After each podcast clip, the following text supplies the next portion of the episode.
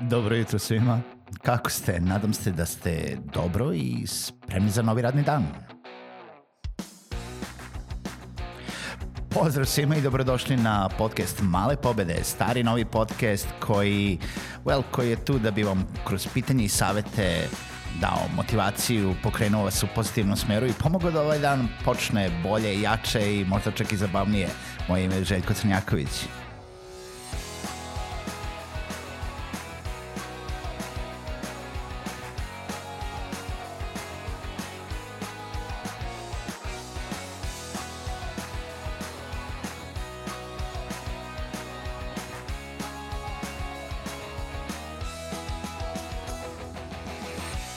Pozdrav svima, dobro jutro i dobrodošli u još jednu epizodu podcasta Male pobede. Kako ste danas? Novo jutro je, novi ponedeljak, nova nedelja. Uh, nadam se da ste dobro i želim ponovo da se svima zahvalim koji podržavaju ovaj podcast. Um, Ukoliko vi želite to da uradite, možete to da uradite preko Patreon platforme odlaskom na www.patreon.com kroz male pobede i ostavite uh, vaš prilog i pomoć da ovaj podcast i dalje nastavi da ide svaki radni dan od 8 časova. Danas da vas pitam, kada ste zadnji put naučili nešto?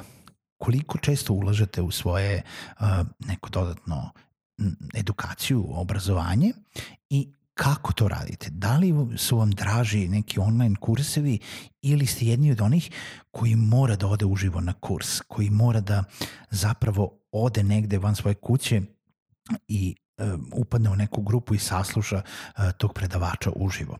Šta su ti uh, benefiti kada i gde možemo sve da slušamo, jel da online kurseve, a zašto uh, i dan danas ili šta je bolje?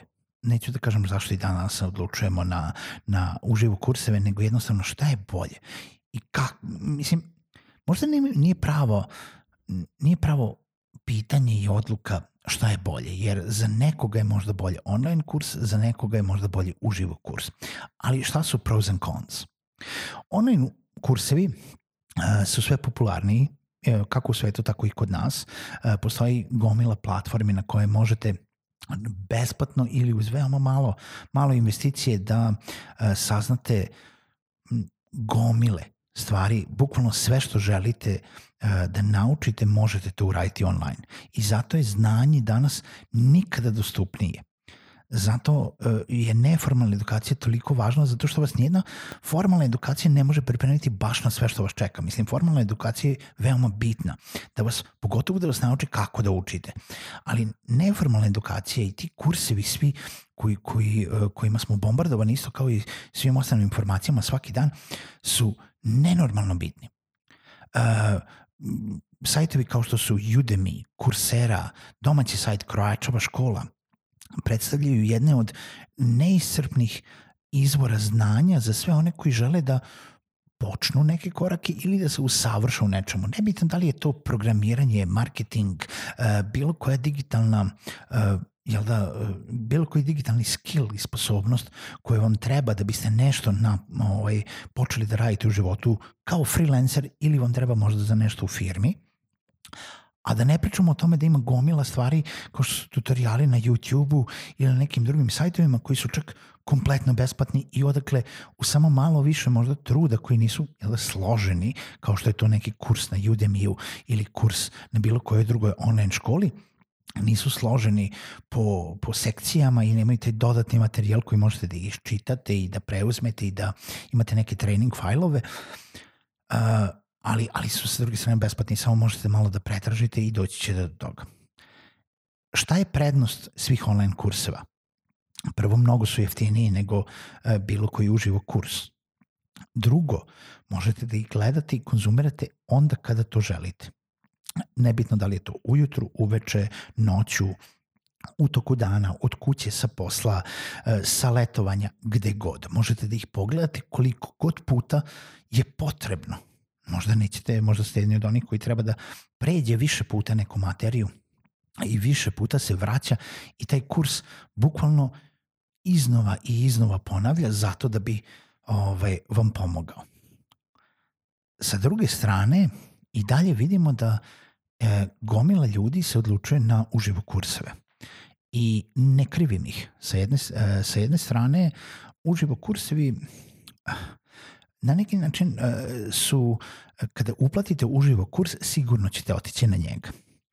Kada uplatite online kurs, sve češće vidimo da ljudi kupuju online kurseve, knjige, bilo šta što uh, je nešto što samo proizvod kao kupite, ne znači nužno da ćete ga i pogledati, pročitati, um, iskusiti do maksimuma. I to jeste jedna, pa da kažemo, jedan minus i um, neka prepreka svih uh, ljudi sa kojima se srećemo, niko nije izuzetak, ni vi, ni ja, ni niko. Svi mi to radimo, svi mi kupimo nešto i nikad ne iskoristimo.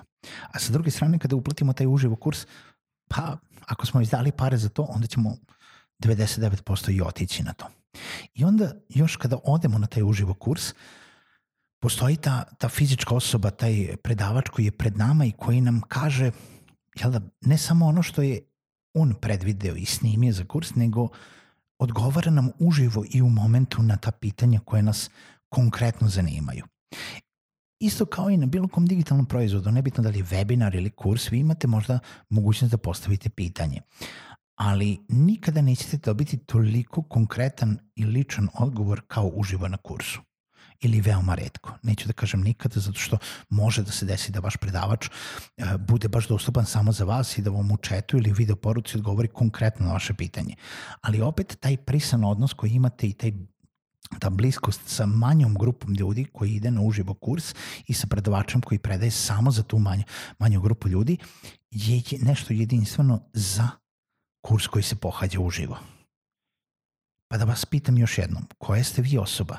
Koliko često slušate kurseve online, a koliko često birate da idete na uživo kurseve?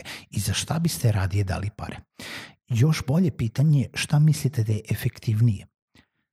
Znači, da li ste više znanja i češće dobili znanje od online kursa ili od nekog kursa koji ste pohađali uživo? Za šta biste dali više para?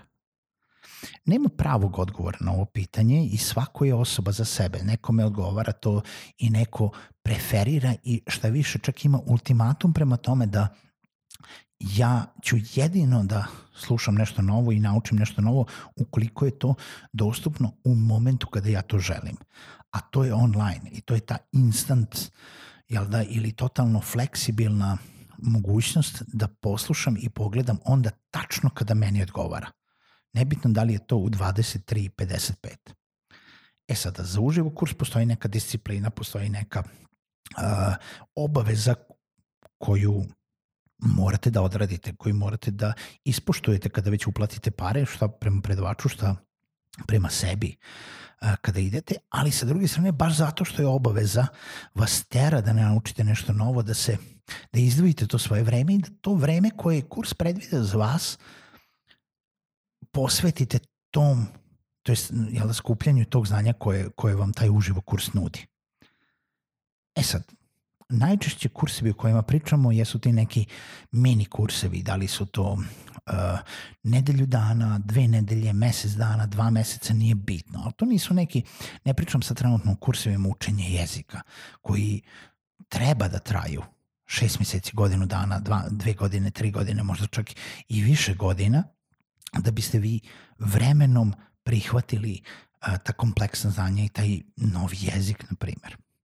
Ono što vas molim za kraj jeste da razmislite o tome da kada već dajete pare za kurs, znam kada je online, onda je jeftinije i onda ne boli toliko. Pa sad kupio sam i mogu da ga pogledam i dan danas, iako sam ga kupio pre godin dana i nisam ga pogledao.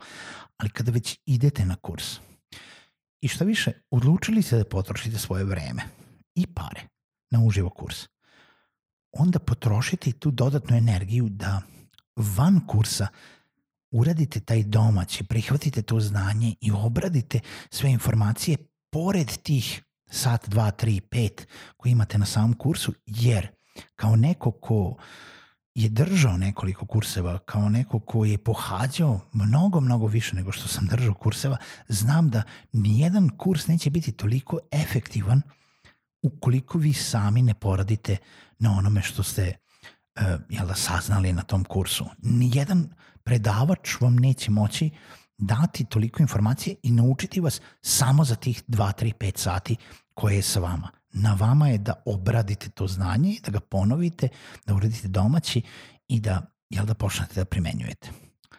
Pa za kraj male pobede, mislim koliko, ovaj, koliko često ulažete u svoju edukaciju i koji je vaš najčešći vid uh, edukacije? Da li je to online ili uživo? Pišite mi na, kom, u komentarima na SoundCloudu ili na Facebook stranici. Čujemo se u narednoj epizodi.